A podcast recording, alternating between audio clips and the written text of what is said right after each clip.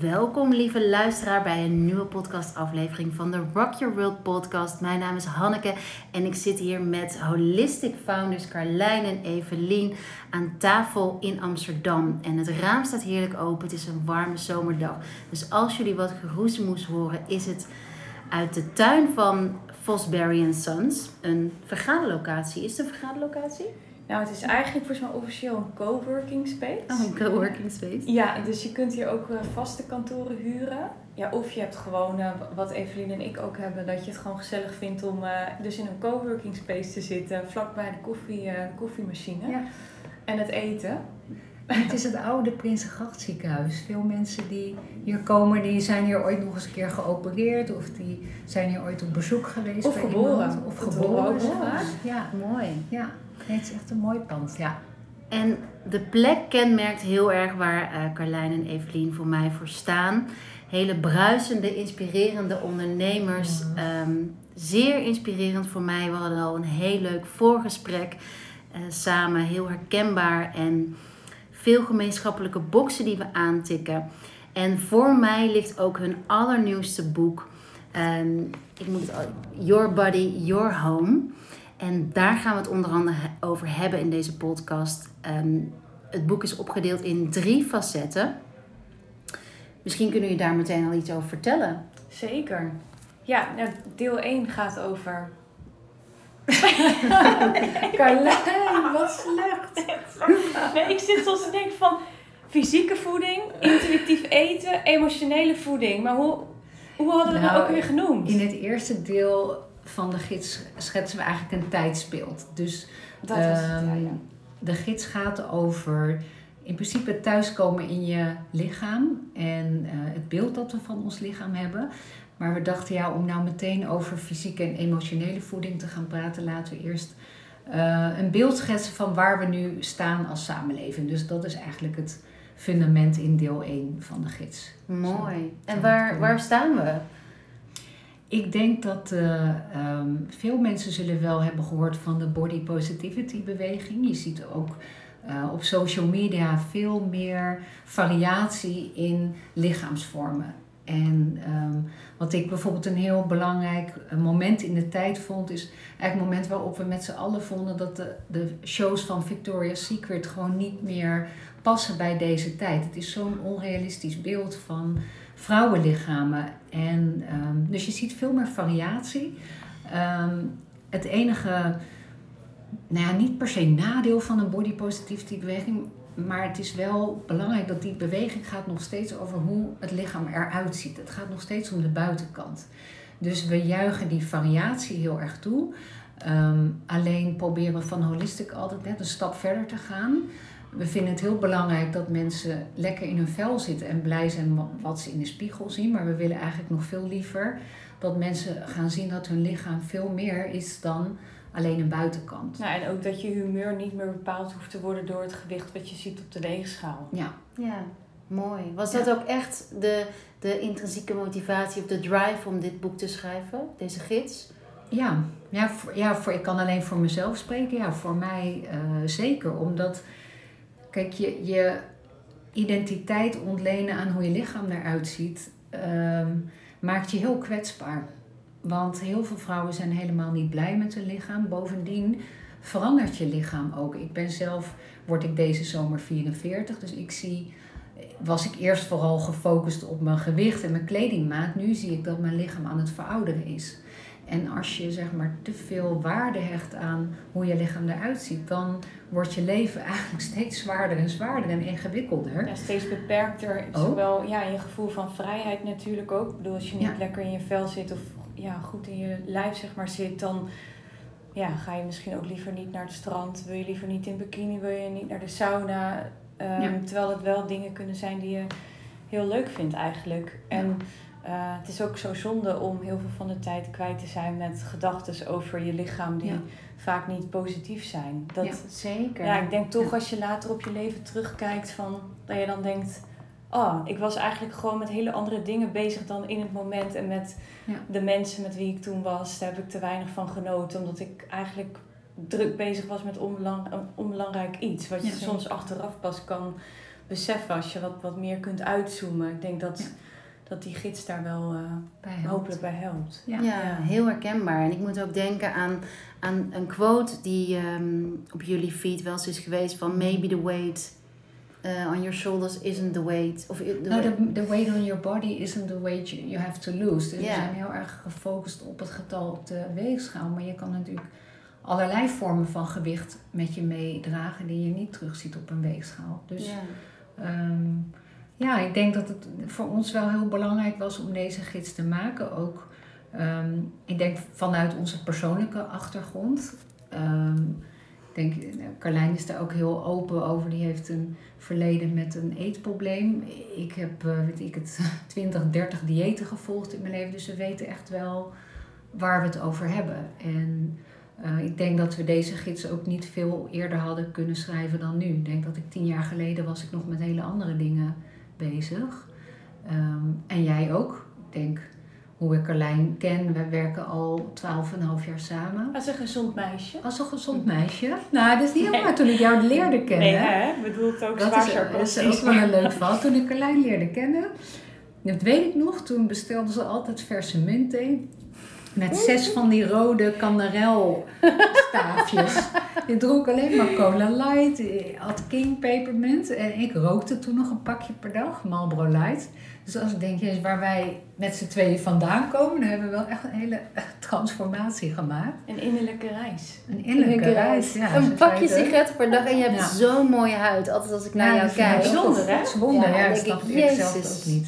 Ik ben wel al tien jaar gestopt, moet ik wel eerlijk toegeven. Eh, maar toen was ik, ja, stond ik ook in die zin wel op een andere manier in het leven, ja. En ik rookte ook om slank te blijven. Oh, ja. Ik vond het ook op een gegeven moment, ehm, nou niet om al te veel de diepte in te gaan, maar in die periode dat ik ben gestopt is een van mijn beste vriendinnen overleden aan longkanker. Die rookte ook. Eh, dus dat was voor mij wel, ja, natuurlijk, ja, hoe duidelijk wil je het hebben? En ik heb dat ook van heel dichtbij meegemaakt, haar ziekteproces. Maar ik merk dat ik het dus alsnog heel moeilijk vond om te stoppen. Eigenlijk alleen maar omdat ik bang was om aan te komen. En dat gebeurde ook. Op een gegeven moment kwam ik een kilo per week aan en dat stopte ook niet. Het was elke. En ja, toen. Ja, ik, ik was toen wel echt heel ongelukkig daarmee. Ik ben toen 10 kilo aangekomen. Ik heb ook helemaal geen foto's uit die tijd. Ik wilde in die periode niet op een foto, omdat het gewoon. Ja, paste gewoon niet bij. Ja, Bij jou. Nee, niet bij mij.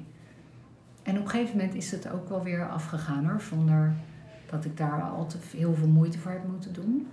Ehm, maar ja, eigenlijk wat ik ermee wil zeggen is dat Carlijn en ik echt wel een hele weg hebben afgelegd om. Om deze gids te Ja. kunnen schrijven. En ik vind Ja. het ook mooi als we het terugpakken naar tijdsgeest.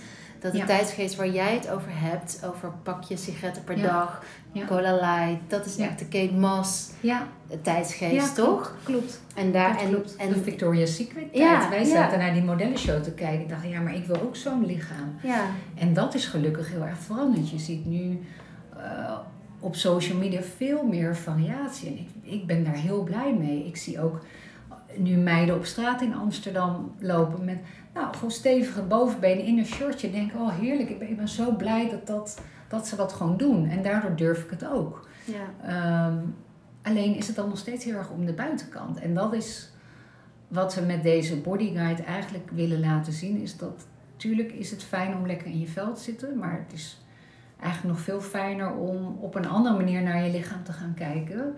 En het is eigenlijk, ik zie het als een, een soort voertuig dat mij helpt om mijn dromen te verwezenlijken. Dus hoe beter ik voor mijn lichaam zorg. Dus hoe goed ik slaap, hoe ik eet. eh, ik probeer stress te verminderen. Dat helpt mij en dat helpt Carlijn in realiseren wat we aan het doen zijn met holisme. Want dat is ook, nou, dat weet jij ook, het is topsport ja het is ondernemen. En dat kan alleen maar als je goed voor je lichaam zorgt. Want je lichaam zorgt dat het allemaal mogelijk is wat je in je hoofd bedenkt. Ja, en, en ook wat ik ervaar is dat je ook, ja, als je eenmaal die helderheid van geest hebt Mhm. en weet, en weet hoe het is om energiek en fit te zijn, Ja. dat je daar ook, nou ik kan wel zeggen wel verslaafd, of ook Ja. gewoon, daar wil je vooral meer van. Ja. Dat klopt. En ik kom toevallig uit een weekend, Clint was jarig, en dat we echt een feestweekend hadden met, waar ik echt veel meer heb gedronken dan ik ooit zou doen. En eh, ik vind het dan ook lastig om te merken dat ik daar een paar dagen van moet her- van Ja. herstellen. Ja. Hebben jullie, herkennen jullie dat? Eh, nou ja. Ja, nee, het valt, dat valt eigenlijk wel mee, maar het komt meer omdat ik niet zo heel... Ja, ik vind drank niet zo lekker. Dus of ik drink soms drie vodka's, of zeg maar niks. Oh ja. En Heb je nooit gevonden? nee, nee, ik geef er niet zo heel veel om. Want je was, jij stond altijd bekend als de partygirl, Ja, toch? ja. Maar de part- de Zonder druppel zonder- Ja, maar het druppel was denk ik echt, ehm, echt een misfit hoor, die titel met mij. Want ik was eigenlijk zo'n braaf meisje. Hoe kwam Volgens je mij was ik ook aan? nog maagd. En ik, eh, ja, ik was 21 volgens mij toen de tijd. En alcohol vond ik niet echt lekker. Maar je was wel overal bij elk feestje, dus je... je Ja, ik dook dat- wel overal op. Maar ja, ja ik, ik vond het altijd eh, heel leuk om dan eh, nieuwe mensen te ontmoeten. En ja, dat stond Dat was vooral je drive. Gewoon. Ja, en ik, ik was altijd wel heel geïnteresseerd in nieuwe initiatieven waar mensen mee bezig waren. Dat is toch vaak eh, te vinden in de creatieve scene van Amsterdam. Eh, weet je, openingen van exposities, nieuwe restaurants. Ja, ik kon het zo gek niet bedenken of ik werd er wel naartoe gestuurd, maar meestal was ik daar ook voor werk. Dus dan was ik een reportage aan het maken voor de NL20. Dat bestaat nu niet meer, maar toen, toen nog wel. En dat heb ik ook voor Cosmopolitan gedaan, weet je wel, die society pagina's. Dus dan maakte ik fotootjes, bedacht ik eh, onderschriftjes erbij, waar mensen dus niet altijd blij mee waren, want die moesten een beetje tong en cheek zijn af en toe. Maar dus voor mij stond dat altijd echt voor een, eh, ja, stuk humor. Ja. Ja, En je had- bent van nature, denk ik, heel nieuwsgierig en al bereid om nieuwe dingen uit te proberen. En Carlijn heeft echt een heel groot talent om echt contact te maken met mensen. En dat heb ik, is heel leuk, want wij zijn natuurlijk al zo lang bevriend. Ik heb dat zo vaak zien gebeuren. Dat, ja, Carlijn legt gewoon heel makkelijk contact, echt contact Mhm. met mensen. En jij bent ook echt oprecht geïnteresseerd. En ja, ik vind dat echt een super mooie eigenschap. Ik ben wat- wat dat betreft echt een stuk introverter dan jij. Carlijn stapt altijd als eerste op iemand af, die maakt altijd een praatje. Ik sta Altijd- altijd achter een een grapje. pilaartje wachten. nou ja, maar wel, je bent, je bent, ik weet nog wel dat, dat jullie ehm, een hele mooie eh, noem je dat, presentatie gaven voor een merk waar ik toen ook voor uitgenodigd was. En het was een PR-ochtend. En de manier waarop jullie elkaar aanvulden.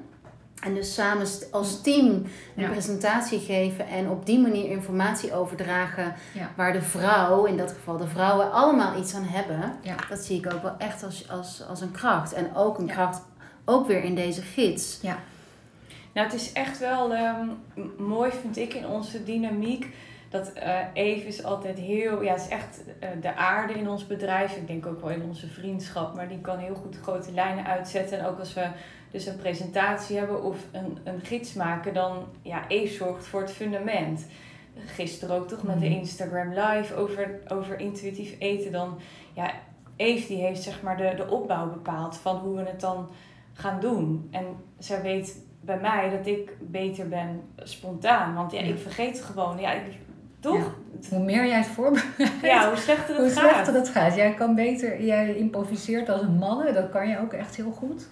We zeggen wel eens eigenlijk, ben ik het nest en jij bent het vogeltje dat uitvliegt. Dus Carlijn die trekt erop uit, er komen allemaal takjes en bladeren, weet ik wat. En ik kijk, oké, past het in het nest of niet? En zo ja, zijn we eigenlijk al twaalf en een half jaar vriendinnen, maar ook al twaalf en een half jaar samen aan het ondernemen. Onze vriendschap is het fundament van alles wat we doen. Ja, super bijzonder in een wereld ook waarin ik ook zoveel samenwerkingen Ja, missie gaan. mis zie gaan. Ja. Zeker tussen vrouwen die. Maar dan is er vaak een, een ego-probleem aan de hand. Eh, of een financiële kwestie. Ehm, ik, ik denk, nou ja, niet, ik, ik wil geen podcast gaan maken over geld, maar ik denk door onze krachten te bundelen lukt het ons wel iedere keer om ook financieel een gezond bedrijf te maken. Maar je moet wel alles natuurlijk door twee delen. Alles wat er binnenkomt gaat door de helft. En als je in de eerste jaren van een nieuw bedrijf, betekent dat, dat je natuurlijk echt wel eh, moet sappelen af en toe. En dat het pas later allemaal ietsje comfortabeler wordt. Ja. Ehm, Maar dat, dat wordt gedragen, denk ik, door jullie missie. ja, En door jullie, die, Ja, jij vertelde vind over je drive om goed voor Ja. je lichaam te zorgen, Ja. omdat je een drive hebt om je dromen waar te Ja. maken. maar wat ik denk wat bij ons heel belangrijk is, de, de- wat de vriendinnen die wij voor elkaar zijn, proberen we ook voor onze lezers te zijn. Dat is eigenlijk de energie die uh, we telkens aan Holistic willen meegeven. En alles wat we doen, dus de onderwerpen die, die wij op de fiets bespreken, die zie je ook weer terug in een gids. Dan ja, hebben wij nieuwsbrief bijvoorbeeld, ja, elke zondag. Ja, dan ook. schrijven we altijd zelf een verhaaltje. De ene week uh, Eve, de andere week ik. Ik vind dat altijd wel echt leuk om te doen. Ja. Maar ook een uitdaging. Denk ik, oh, waar ga ik het nu weer over hebben? Ja. En dan ga ik toch zitten en dan komt er wel vaak iets. Dus het is voor mij altijd een moment om weer even te connecten met, uh, ja, met mijn intuïtie. Of een soort bron waar je meestal door de drukte van de dag niet zo makkelijk bij komt. Ja. We beginnen er vaak ook de dag helemaal niet over werk, maar over hoe gaat het met je, wat speelt er. Soms hebben we ook wel eens dat we een halve dag helemaal niet over werk praten, maar gewoon hoe het met ons gaat. En vaak snappen we dan achteraf dat, dat we op dat moment bezig waren met het creëren van een onderwerp voor een artikel of voor een podcast, omdat het dingen zijn die in ons eigen leven spelen. En die dan onbewust eigenlijk worden doorvertaald in wat we doen voor Holistic. Mooi. Dus, ja. En denk je dat, dat, want jullie groeien nu ook in, um, denk je dat jullie de lezer dus ook meenemen in leeftijd? Dus merk je daarin een shift? Oeh, dat vind ik lastig om te zeggen. Omdat ik het, mm, ja. ja. We hebben, nou, ik, ik ben, ik kan, ik ben, ik word 44, Carlijn wordt 35. Onze collega Nathalie, die is ook al twee jaar bij ons, die is uit mijn hoofd denk ik 23, 24. Ja, 24. Ehm, en die heeft ook een hele grote rol gespeeld in Holistic. Zij houdt ons bijvoorbeeld heel erg scherp op het gebied van diversiteit. Dus als wij artikelen plaatsen uh, en er te, te vaak een blonde vrouw van begin 20 op een foto staat, dan krijg ik een appje van Nathalie van nou, het wordt tijd voor wat variatie. Dan denk ik, oh ja, is goed. Dat, goed. Ja, dan merk je dat twintigers daar eigenlijk veel meer mee bezig zijn dan, dan, dan veertigers. Tenminste, dat is hoe ik het ervaar. Dus we hebben twintigers, dertigers, veertigers binnen ons team. Dus we kunnen denk ik een hele grote uh, groep vrouwen um, aanvoelen. Maar wat ik wel ook merk is dat, dat het heel divers is, uh, de, de, groep mensen die holistic lezen. En dat baseer ik een beetje op toen we nog af en toe workshops, familieopstellingen konden geven. En af en toe worden we wel eens op straat aangesproken of in een winkel oh, of zo. ja, maar dat zijn altijd uh, echt uh, van toch van alle leeftijden wel mee, ja, meestal vrouwen, maar 20% is wel man die ook holistic leest. Ik heb het ook wel eens gehad, zat ik bij de kapper, meisje die mijn haar aan het veunen was. En oh, oh, je bent van Holistic of niet? Want ik lees altijd de nieuwsbrief. En ja, ja dus het is... Heel divers. Ja, ja. precies. Maar dat is wel ook de, dat is, ja, wat we eigenlijk vanaf het begin af aan ook voor ogen hadden. En um, nou, om bijvoorbeeld, bijvoorbeeld spiritualiteit speelt best een grote rol op Holistic. Maar het zit wel verweven in een veel groter palet van onderwerpen. Omdat wij ook vinden dat spiritualiteit eigenlijk heel uh, organisch in je dag zou moeten voorkomen. Het is niet iets, het is niet iets verhevens of het is niet iets uh, waarmee je jezelf buiten andere mensen kan stellen. Wij zien het als iets wat.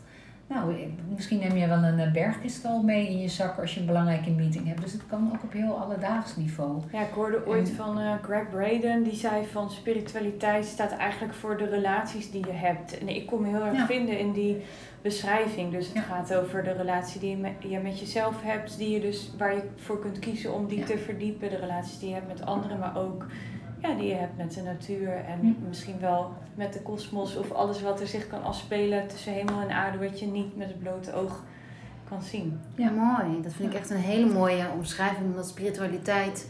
als ik denk aan elementen, is dat ook echt zo'n luchtelement, zo'n ether. Iets wat je niet kunt zien, maar wel ja, voelt. En, en mooi. Ja, dus je kunt ook niet zeggen, ja, die is spiritueler dan die. Nee. Dat vind ik ook zo raar. Ja. Ik vind het ook wel grappig. Ik denk dat, dat ik zie mezelf ook helemaal niet als spiritueel. Nee. Ik weet niet hoe jullie dat zien. Ook. Ik denk er niet eens over Ik denk dat ieder mens een spiritueel wezen is. En wij gebruiken het woord ook nooit om onszelf te, omschrijven. Nee. Wij zouden onszelf ook nooit lichtwerker noemen. Of, nee. We zijn gewoon Evelien Carlijn. Ja. ja. En, en het tweede gedeelte van het boek gaat, um, gaat meer over hoe jullie dat noemen, fysieke voeding. Mhm. Ja. En daarin komt onder andere het onderwerp in Intuïtief, intuïtief eten. Ja. ja. Een onderwerp die ik, al, ehm, die ik al vaker ben tegengekomen, vooral in Amerika nu. Ja.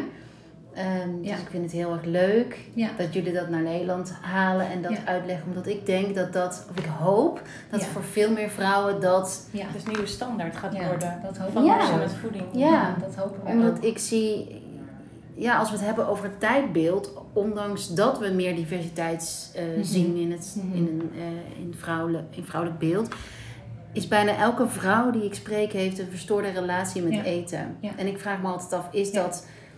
Ik ben echt benieuwd, ik zou er een documentaire of iets over willen maken. Hoort dat bij de ambitieuzere vrouw? Is het omdat ik die vooral spreek? Of wat, wat maakt dat we zo'n verstoorde relatie met eten hebben? Het kan natuurlijk ook komen omdat er zoveel informatie voorhanden is over voeding en Ja. wat het effect is op je lichaam ervan. Ik loop nu weer even tijdelijk met een glucosesensor op, dus dat is dan weer een nieuw ding wat je ook weer kunt Ja. meten. Dus eigenlijk zijn er heel veel ehm, momenten die ons, denk ik, verder afbrengen van Ja. eh, de, ja, hè, goed aanwezig zijn in je lijf. En dat je vanuit jezelf durft te voelen en op basis daarvan keuzes Hm. maakt. Er zit heel vaak, het, het hoofd zit er vaak tussen. En ik denk Dat. dat intuïtief eten wel een hele mooie uitnodiging is om eh daar stukje bij beetje wat, wat mee te oefenen. Om dat wat meer los te laten. En dan zul je, althans dat is wat ik, wat ik zelf heb gemerkt. Of het nou intuïtief eten heet of herstellen van een eetprobleem. Maar dat, dat door op die manier te eten, ik in elk geval heel veel meer eh, headspace over heb gehouden om eh, veel meer van het leven te kunnen genieten eigenlijk. En eh, eigenlijk meer tijd te hebben voor dingen die, die ik echt belangrijk vind vanuit mijn hart. Mooi. Want je maakt Ja. per dag 200 beslissingen over eten, elke dag weer. Dat heb je helemaal niet zo door. Ehm, maar dat kan een heel groot deel van je dag in beslag nemen. Een heel groot deel van je levensgeluk wegnemen. Als je constant maar aan het afwegen bent, oh mag ik nou wel een koekje of niet? En ik heb gisteren een stukje taart gegeten, oh dan mag ik nu niet dit en dan neem ik morgen dat of dan ga ik nu sporten. Want kan... en je, je hebt een soort dagtaak aan bijna. En ik denk wat een hele belangrijke rol speelt in de tijd waarin we leven, met name de afgelopen tien jaar, is natuurlijk de opkomst van social media en met name de, de hoeveelheid gemanipuleerde beelden waarmee je wordt geconfronteerd. En daar heeft eh, professor Lisbeth Woertman heel veel onderzoek naar eh, gedaan. Dat zeker jonge meisjes van 14, 15 jaar, die krijgen de godganse dag via TikTok, Instagram gemanipuleerde beelden van vrouwen te zien. En gaan op een gegeven moment denken dat dat normaal is. Dat dus eigen lichaam niet normaal is. Ik kan me ook enorm ergeren aan allemaal van die apps waarmee je je gezicht kan ver- ver- veranderen. Kijk, Kijk, een klein filtertje, nou prima. Wij zoeken als we een foto maken voor de nieuws ook altijd het beste licht. Daar moet ik ook eerlijk in zijn. En soms maken we drie, vier, vijf foto's en dan denken we, oké, nou nog een keer, dan zijn we niet helemaal happy. Maar ik vind je hele gezicht verbouwen met een app, vind ik echt wel een heel ander verhaal. En ook een hele kwalijke ontwikkeling. En is eigenlijk gewoon weggaan van wie je zelf bent, Totaal. toch? Jezelf en nog meer de connectie Totaal. verliezen met wie, wie je echt Tuurlijk. bent. En wij zijn oud en wijs genoeg om, om te snappen, te kunnen om het maken. onderscheid te maken. Maar ik heb nichtjes eh, van eh 13 en 16 en die denken dat dat normaal is. Die zijn foto's van zichzelf aan het bewerken. Nou, als ik ergens verdrietig van word, is het dat wel. Ehm, dus die ontwikkeling vi- vinden wij heel kwalijk. En ik denk dat de bodyguide daarin... Ja, ik zie het wel als een, een tegengeluid. Carlijn en ik zijn niet per se types die enorm op de barricades gaan. Of, ehm, maar met die gids willen we wel een boodschap overbrengen. Dat is wel, eh, wel duidelijk, ja. Nou, en ik denk ook niet dat, dat, dat je de barricade op hoeft te gaan. Ik denk, Mm. ik denk dit is een hele, ja, ik denk dat jullie daarin een hele subtiele invloed uitoefenen. Die echt Ik wel een, het heel eh, erg. Een ripple effect kan Ja. hebben. Ik hoop het heel erg. Ik zou het zo fijn vinden als, nou, om intuïtief eten te nemen. Kijk, wat er, er is natuurlijk heel veel informatie voorhanden over intermittent fasting, ketogeen, ayurvedisch, vegan. ehm, en ik zeg overload. niet dat dat ongezond is of gezond. Ik zeg alleen dat, het, ehm, dat heel veel mensen de wijsheid buiten zichzelf zoeken. Terwijl je lichaam eigenlijk de belangrijkste bron van wijze is. Je lichaam geeft zelf wel aan wat het nodig heeft. En dat is de ene dat als ik slecht heb geslapen, vraagt mijn lijf iets anders dan wanneer ik goed heb geslapen. En dan zie ik mensen die zijn dan helemaal into intermittent fasting. Wat voor sommige mensen echt fantastisch kan werken. Maar het is nog steeds iets wat je buiten jezelf plaatst. Als ik ochtends wakker word, heb ik gewoon, dan voel ik aan mijn lichaam dat ik voeding nodig heb. En voor mij voelt het dan heel onlogisch om tot 12 uur te gaan wachten. Terwijl mijn lijf aangeeft, ik heb nu brandstof nodig. Ehm, dus wat we eigenlijk willen uh, overbrengen met het intermittent fasting of het intermittent fasting, intuïtief eten dossier, straks ga ik nog door elkaar halen, is dat we mensen eigenlijk uitdagen om, om alle regels en richtlijnen los te laten, of het nou Ayurvedisch is of Chinees geneeskunde, ketogeen, laat het even allemaal los en probeer weer contact te maken met de signalen van je lichaam. En ik heb dat zelf uh, vijf dagen geprobeerd. Ik heb een challenge gedaan. Daar heb ik ook over geschreven in de Body Guide. En ik vond dat dus ongelooflijk lastig. Uh, om te luisteren naar mijn lichaam. Ik, wat, er is gewoon totaal geen connectie tussen mijn hoofd en mijn lijf. En als dat bij mij zo is, dan denk ik dat dat bij heel veel andere mensen ook zo is.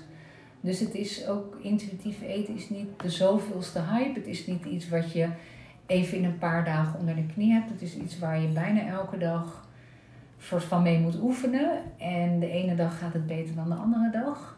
Maar uiteindelijk waar het om gaat is dat ik erop vertrouw dat mijn lichaam het beste met mij voor heeft. En dat het de ene dag wat meer vraagt dan de andere dag. Maar ik, ik kan niet geloven dat mijn lijf mij aan het saboteren is. Ik denk dat mijn lichaam mij ondersteunt en eigenlijk heel subtiel aangeeft wat ik nodig heb. Mooi. Alleen luister ik er niet naar. Nee. Maar vijf dagen wel gedaan. Ik heb het nou geprobeerd, ja. maar ik vond het dus heel erg moeilijk. Ja. Ik merk bijvoorbeeld, nou ja, een, een richtlijn van intuïtief eten is een, een prettig eetmoment creëren. Waarin je echt kan luisteren. Heb ik genoeg gegeten? Bevallen deze smaken mij?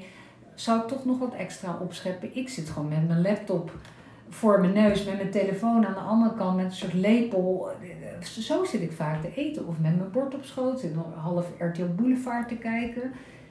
denk ja, dat is natuurlijk niet de manier om aan te voelen wat je lijf nodig heeft. Dus ik, daar ligt voor mij al een uitdaging.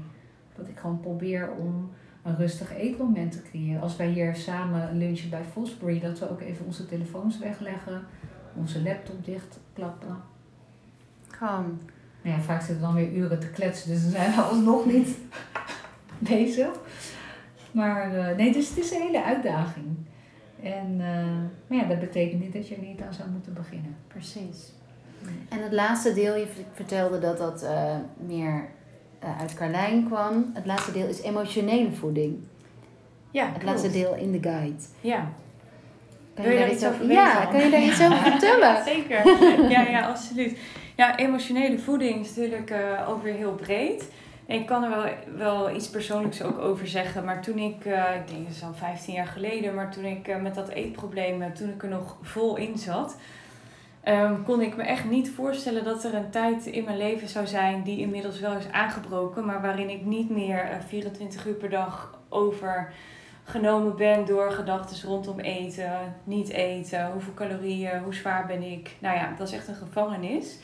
En wat ik dus heel wonderlijk vind, is Um, nou, ik wilde eerst graag um, heel veel afvallen. En daarna kwam ik toch weer op eigen kracht uh, ja, 10 kilo aan. Dus toen had ik op zich een gezond gewicht. En werd ik weer ongesteld langzaamaan. Maar wat er nog wel als, uh, hè, was gebleven, was uh, de, de verslaving aan eten. Dus zodra ik me even rot voelde, dat was eigenlijk vijf tot tien keer per dag, ging ik wel eten. En dan ging ik daarna weer spugen. Dus ik was daar de hele dag mee bezig en ik was eigenlijk gewoon daaraan verslaafd. En wat ik dus nu wel mooi vind om bij mezelf te merken, is dat die leegte die ik toen, toen aan het opvullen was, ja, dat, dat, dat kan je dus wel helen. En uh, dat hoop ik ook, uh, ja, dat, dat, hè, dat gevoel mee te geven in deel 3 van de Body Guide. Dat dat, dat ja, eigenlijk voor iedereen, eh, dat, hè, dat daar verschillende sleutels voor zijn. Uh, en we stippen er een aantal eh, wel aan ook. En dat, dat valt dan onder emotionele voeding. Ehm, ja, dat is voor iedereen natuurlijk ook anders waar dat precies uit bestaat. Voor mij in mijn genezingsproces van toen was het een hele belangrijke stap om bijvoorbeeld uh, wel naar Amsterdam te verhuizen. Ik had mijn uh, examen gehaald, echt kantje boord. Dus ook door dat eetprobleem, terwijl iedereen dacht, oh nee, eh, die, die haalt het glansrijk in één keer. Maar ik moest ook een herdoen toen, dus het was heel spannend. Maar ja, ik had toch zoiets, ja, ik, ik wil nu gelijk naar Amsterdam. Want ik zat hier dus ook al vaak. Want ik heb altijd wel ook toch nog uh, ja, een gezond deel in mezelf gehad dat ook nog wel aandacht kreeg. En dat zin had om erop uit te trekken hoe, hoe dun ik ook was, hoeveel eetbuien ik ook had op een dag. Maar ik wilde altijd naar Amsterdam. Dus um, ik had ook een schrijfbaantje hier. Dus ja, ik was hier vaak te vinden. En ja, toen had ik eigenlijk de mogelijkheid om hier gewoon echt naartoe te gaan verhuizen. En um, nou, dat heb ik ook gedaan. Tot wel... Uh, grote zorgen toen van mijn ouders. Die dachten echt, ja, je bent net klaar met therapie. Ik had ook ja, eigenlijk het hele examenjaar twee, twee volle dagen groepstherapie nog per week. Dus ja, en ik was eigenlijk ook niet helemaal nog een echt genezen ervan. Maar ik, wilde gewoon hier naartoe. Um, ja, dat was een hele goede zet. Omdat ik hier veel meer uh, ja, verbinding ook uh, kon ervaren in, in nieuwe vriendschappen die ik aan kon gaan met mensen die mij ook ja, veel, veel meer verschillende niveaus uh, voeden, zeg maar. Ja, ja. Dus dat was ik vind het wel grappig. Ik vind het grappig inderdaad om dan te merken dat dus dat stukje nieuwsgierigheid in jou mhm. en erop uitgaan waarschijnlijk dus... Dat, dat was een leegte, misschien wel waar je vandaan kwam. Meer. Ja. En dat dus dat stukje ontdekken en erop uitgaan. Dus... Dat had ik echt zo nodig. En toen, uh, bedoel, dit was ook niet van de een op de andere dag verder over. Maar ik, ja, de jaren die daarop volgden, ja, toen was ik 18, uh, eh, heb ik wel steeds vaker gemerkt dat ik een, weet je, dat ik een keuze heb. Als ik weer zo'n de eetdrang voelde opkomen van, oh, ik wil nu koekjes, chips, echt tassen vol. Dacht ik, ja, je kan het ook, je kan het ook niet doen, weet je. Ga, ga iets anders doen. En, en toen ik dus in Amsterdam kwam wonen, had ik heel erg behoefte aan een stuk humor en entertainment. En uh, gewoon een beetje gekke gekke mensen. Ik noem ze vaak paradijsvogels. Ik, ik, misschien ben ik er zelf ook een, maar ik sla daar heel goed op aan. En ik vind het leuk als mensen een beetje anders zijn of andere gedachten hebben dan gangbaar. En uh, ja, dat, daar, daar leefde ik helemaal van op. Dus er kwam ook wel... Maar dat is emotionele voeding. Ja, precies. Dat is ja. leegte opvullen met iets heel anders. Ja, en aan de andere kant... Uh, ja, ben ik toen ook jou vrij snel tegengekomen. Even zijn we snel ook gestart met ondernemen. Ben ik nog veel meer gaan schrijven, ook naast mijn studie. Voor, ja, voor de dames, uh, voor, ja, voor Cosmopolitan, voor Marie Claire. Nou, nog een aantal bladen.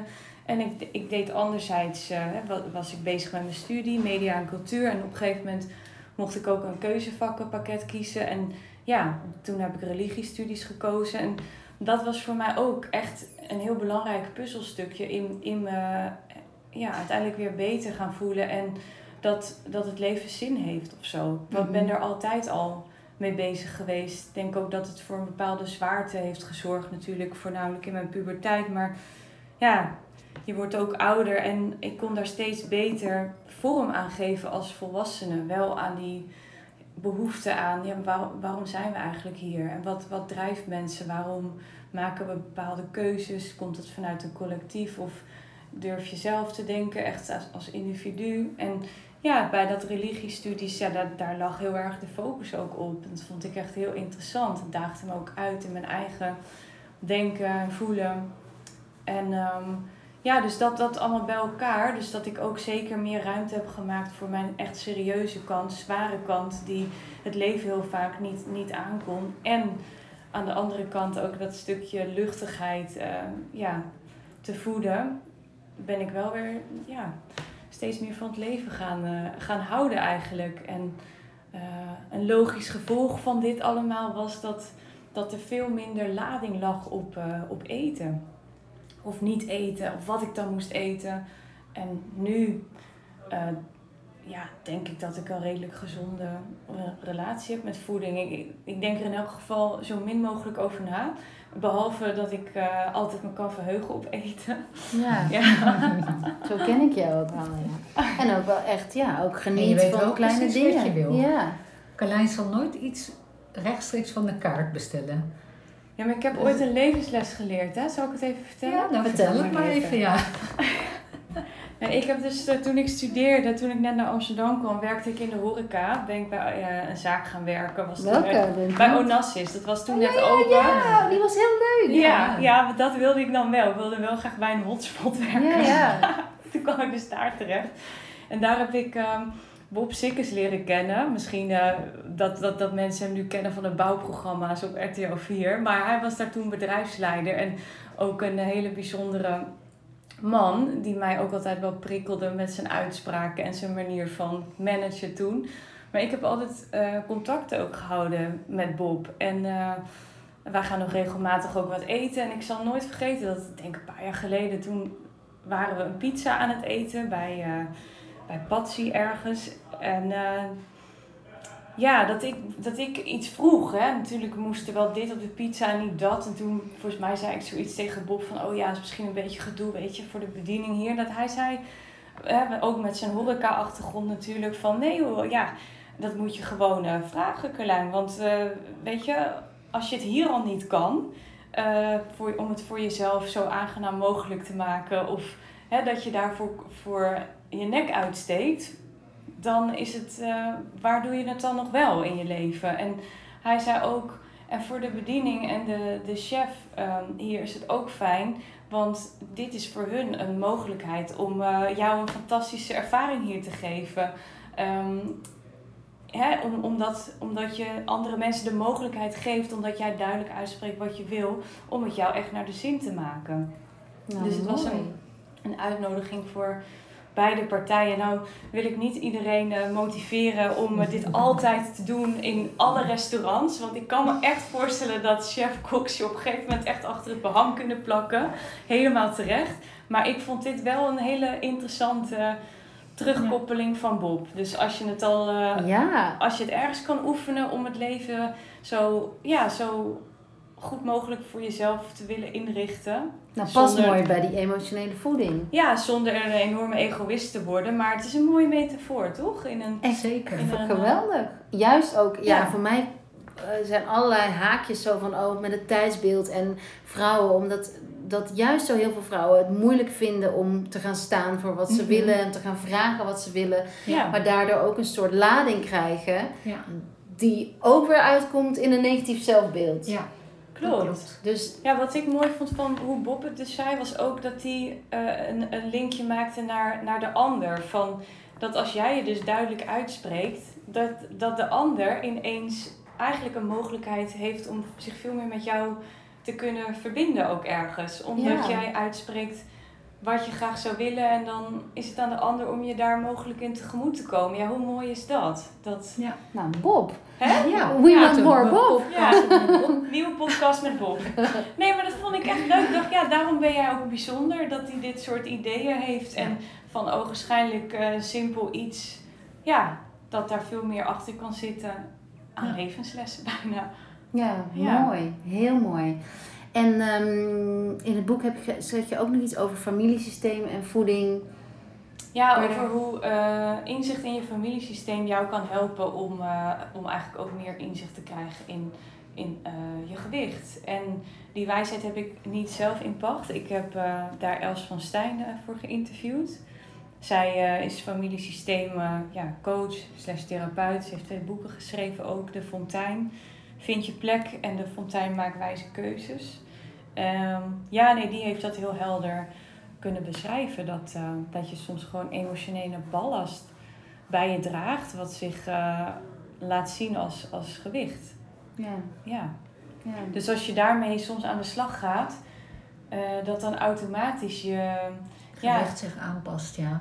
ja eigenlijk Ja. Om, om dezelfde reden als, als wat ik net zei, hoe, hoe ik dat heb ervaren, dat dus eetdrang echt kan afnemen als je meer naar binnen keert en eh, kijkt wat je echt nodig hebt. Weet je, ik, ik had het nodig dat ik mijn nieuwsgierigheid veel meer kon uitleven ook, om me weer meer levend te voelen. En ja, daar was Amsterdam uitgelezen plek voor. De mensen die ik eh, daardoor heb ontmoet en ja, de keuzes die ik heb gemaakt, dat heeft allemaal bijgedragen aan ja, een meer zinvol bestaan eigenlijk. En Els kan dat heel mooi uitleggen aan de hand van je familiesysteem. En je plek die je daarin inneemt en misschien mag gaan innemen, omdat je nog niet helemaal op de juiste plek staat voor jou. Ja, mooi. En de luisteraars die, die kunnen het boek kopen. Jullie hebben een kleine korting toch voor de luisteraar? Mhm. Tuurlijk! ja, Met de code, ja. Ja, we hebben 5, eh 5 euro korting die we heel graag eh, op de bodyguide willen geven met code bodyguide en dan R, Griekse I, W, Rock Your World. Ja, Afkorting, ja. tot eind september, hè? 2021. Dat die geldig is. Ja, Ja. 30 september. Volgens mij 30 september. 30 dagen. Dus dat is dan de laatste dag. Ja. Ik zal hem ook in de show notes zetten. Oh, leuk. Dan eh, doe ik de link naar het, eh, naar het boek en de kortingscode zet ik er nog een keer in. Super. En tot slot wil ik nog een paar kleine afsluiten, de podcast afsluiten met een paar kleine favorieten. Eh Carlijn, welk boek lees je nu? Ik lees nu het boek van eh, De Keuze van eh, Edith Eker. Is het mooi? Ja, ja, zeker mooi. Ik heb het al twee jaar geleden van mijn moeder gekregen. Toen durfde ik het steeds niet te lezen, omdat ik best wel... Ja, dat er ook veel heftige scènes in zitten over natuurlijk haar eh, tijd in Auschwitz. Maar ik ben er nu aan toe, dus ehm, ja, het is een prachtig boek. Ja, Oké. En Eve, welk nummer heb je voor het laatst gedraaid? Muzieknummer? Oh, dat heet Mali Mali. Jezus, van wie is dat nou? Mali, Mali. Disclosure volgens mij. Oh, Heel leuk. Ken je het niet? nee. Ja, Zal ik Disclosure hem even opzetten? Wacht. Ja. Kijk, je wordt hier zo vrolijk van. Oh, de mensen hadden ons nu moeten zien zitten, hè? Handjes in de lucht. Ons eigen festival hier. Ja, hoe leuk is dit nummer, toch? Ja. Disclosure, ja. Kun je wat harder even? Ja, maar dat is natuurlijk je hele podcast. Nou ja, Knallen hoor. Knallen, ja. Knallen hier. ja, hoe leuk is dit nummer, toch? Ja. Nou ja, die dus. En ehm Carlijn, heb jij iemand die je heel inspirerend vindt, die je echt een businessvoorbeeld vindt? Ehm, Internationaal. Of hoeft het niet alleen business, maar gewoon een vrouw waarvan je denkt van, oh maar ja, zij wekt die nieuwsgierigheid in me op. Leuke die- vraag. Maar dat weet ik dus niet. Wacht, mag ik heel veel over nadenken? Even, heb je nog een nummertje? Nee, nee, ik vraag niet. Een hele playlist die er soort van wordt uitge... Nee, Eve die mag een, eh, die vind ik het leuk om te vragen naar een heads-up voor een, een persoon of merk waarvan je echt denkt, een Nederlands merk waarvan je denkt, oh ja, die wil ik echt, die gun ik een kickstart. Oh, dat is een goeie. Oh jeetje, even denken hoor. A Beautiful Story. Oh ja. Oh ja. Ja. Oh, dat ook al Ja. twee. Ja. Oh ja. Een sieradenmerk, die laten alles in Nepal maken. Eh, maar nu natuurlijk door die hele coronacrisis ligt de hele productie stil en hebben ze het heel zwaar. En ik vind hun sieraden heel mooi en ik vind het verhaal erachter heel mooi. En ik vind het heel sneu dat er daar nu mensen zijn die heel graag willen werken en niet kunnen werken. En misschien hun gezin ook niet kunnen voeden. Dus eh, ja, A Beautiful Story, ik zal Ja. ik ook opschrijven. En Ja. eh, hebben ze nu wel iets te koop? Ja, ze hebben Dat nu wel wel? producten in, onze, of in hun webshop. Ehm, maar ja, ze heeft ons gevraagd om, om een beetje te supporten. En eh, ja, een hele lieve mail gestuurd. En dan ja, doen we dat ook. Dus dat is het eerste wat in me opkomt. Ja, mooi. Wat Ja. wel grappig, want ik had ze Ja. vorig jaar eh, benaderd omdat ik graag armbandjes van hun ook wilde Ja. verkopen. En toen moesten ze nee verkopen. Dus toen heeft ze mij dit verhaal ook uitgelegd. We hebben gewoon niks Nee. we- om te verkopen. Dus, ja. of, of niet, of dat wat je wil, kunnen we niet Ja. ehm, maken. Maar dat vind ik dus ook een hele inspirerende vrouw. Katelijne die het merk heeft opgezet. En ehm, eigenlijk het bewijs levert dat je dus hele mooie producten kan maken. Die je ook heel goed commercieel interessant kan maken. Maar tegelijkertijd ehm, de wereld een betere plek maakt. En eigenlijk vind ik alle initiatieven die die, die dubbele lading hebben, vind ik de moeite waard om ja, ook op Holistic een plekje te gunnen. Ik kan me voor, vroeger gebruikte ik crème de la mer, Estée Lauder, La Perina. Ik kan me gewoon niet voorstellen dat ik dat nu nog ooit een keer in mijn leven zou kopen. Dat, eh, Nee. ja, dat ik merken zou kopen die, waar je eigenlijk vooral betaalt voor de naam en voor hele dure marketingcampagnes. eh, maar die verder op geen enkele manier bijdragen aan een betere samenleving. Terwijl er nu zoveel alternatieven zijn die dat wel doen. Ja, daar hebben we echt wel een shift in gemaakt, ja. Cool is dat, hè? Ja. Toch? Ik, ik weet niet Ja. echt. En ook als En die palace in de Bijenkorf. Nou, vroeger vond ik dat echt een snoepwinkel, Ja, die cosmetica. Ja. Nu lopen er gewoon... Ik deed niks trok mijn aandacht, niks wilde ik hebben. En ik heb sowieso, denk, merk ik dat ik met winkelen eigenlijk... Ja, de lol die ik er vroeger aan beleefd, dat ik dat echt niet meer zo... eh, ja. Ik heb trouwens wel iemand bedacht. Oh, Ja? even Ja, ja, snel ja. opgezocht op je... Nee, nee, luister. Oh yes! Ah, ja. Kan het harder? Dan mogen mensen Tina! raden. Oh, Ja. sorry. Ja! En nu weten ze het, ja. Ja, Ah, dat is ook een goede, ja. Ja.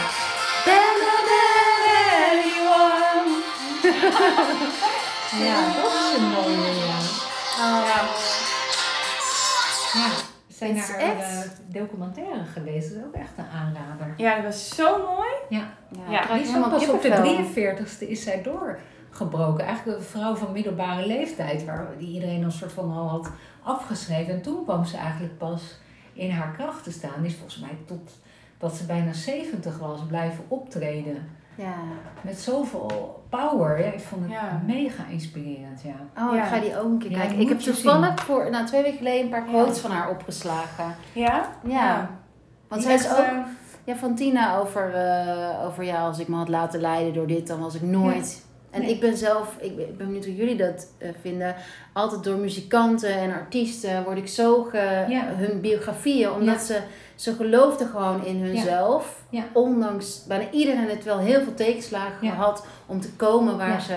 ja En ik denk, ja, als we die klopt. niet hadden, Ja. als zij niet, Ja. net als Beyoncé of iets door hadden gezet. En elke keer dat iets mislukte, dachten Ja. oké, nu Ja. stop ik ermee. Dan hadden we gewoon, misten we gewoon zo'n mooi gedeelte van de Dat samenleving. Ja, dus zij- al die gelaagdheid ook zo terug hoort natuurlijk in Ja. hetgeen wat ze maken. Weet je, zo'n pure zielsverbinding die je dan hebt. Als Ja. je op die manier op een podium kan staan, daar staat Ja. gewoon niks tussen. Nee. Dat denk ik dat we dat wel voelen dan. Ja. En dat ook vaak missen, dat daarom muziek zo essentieel is eigenlijk. Ja. En wat Ja. is je favoriete nummer van Tina? Heb je die? Ja, of de best? Ehm, ja, misschien wel. Nee, ik heb niet eentje dan. Ik, ik ben er echt onder de indruk van haar veerkracht. En eh, ja, wat je ook echt mooi in die documentaire ziet. En transformaties die zij heeft doorgemaakt. En dat ze dan uiteindelijk ook, ja, na alles wat ze heeft meegemaakt, toch is getrouwd met een man. Ja. Die ook eh, zichtbaar is in die documentaire, maar wat zo in balans voelt. En dat hij haar zo, ja, zo de ruimte kan geven voor wie ze echt is. En dat zij dat ook terug kan geven. Er zat echt heel veel in die film. Ja. Mooi. Hoe heet mooi. Heet die gewoon? Gewoon Ja, Tina. Tina. Ja. Tina de movie of zo. Tina, Echt ja. geen idee. Maar op, in de bioscoop of is Ja, dat ergens? in de, we hebben hem in de film al gezien. Ja, het is ja. wel echt leuk al om in de bioscoop te zien. Ja. Vooral omdat er ook veel muziek bij zit. Ja, Oh, met, met ja. je vriendinnen moet je eigenlijk gaan. Het is zo. Ja. En daar een hapje eten bij de Meatless District. Ja. En dan de curry bestellen. Ja. dan heb je een top Ja, dat doen wij. Nou, ja. ga ik doen. Ja. ja, het is echt mooi. Dank jullie wel. En ehm, de link naar de gids heb ik dus in de show notes gezet. En de kortingscode ook. Dank jullie wel voor het luisteren. En dank Jij jullie bedankt. wel. Heel leuk, om te doen. Ja. Goed zo. Dankjewel.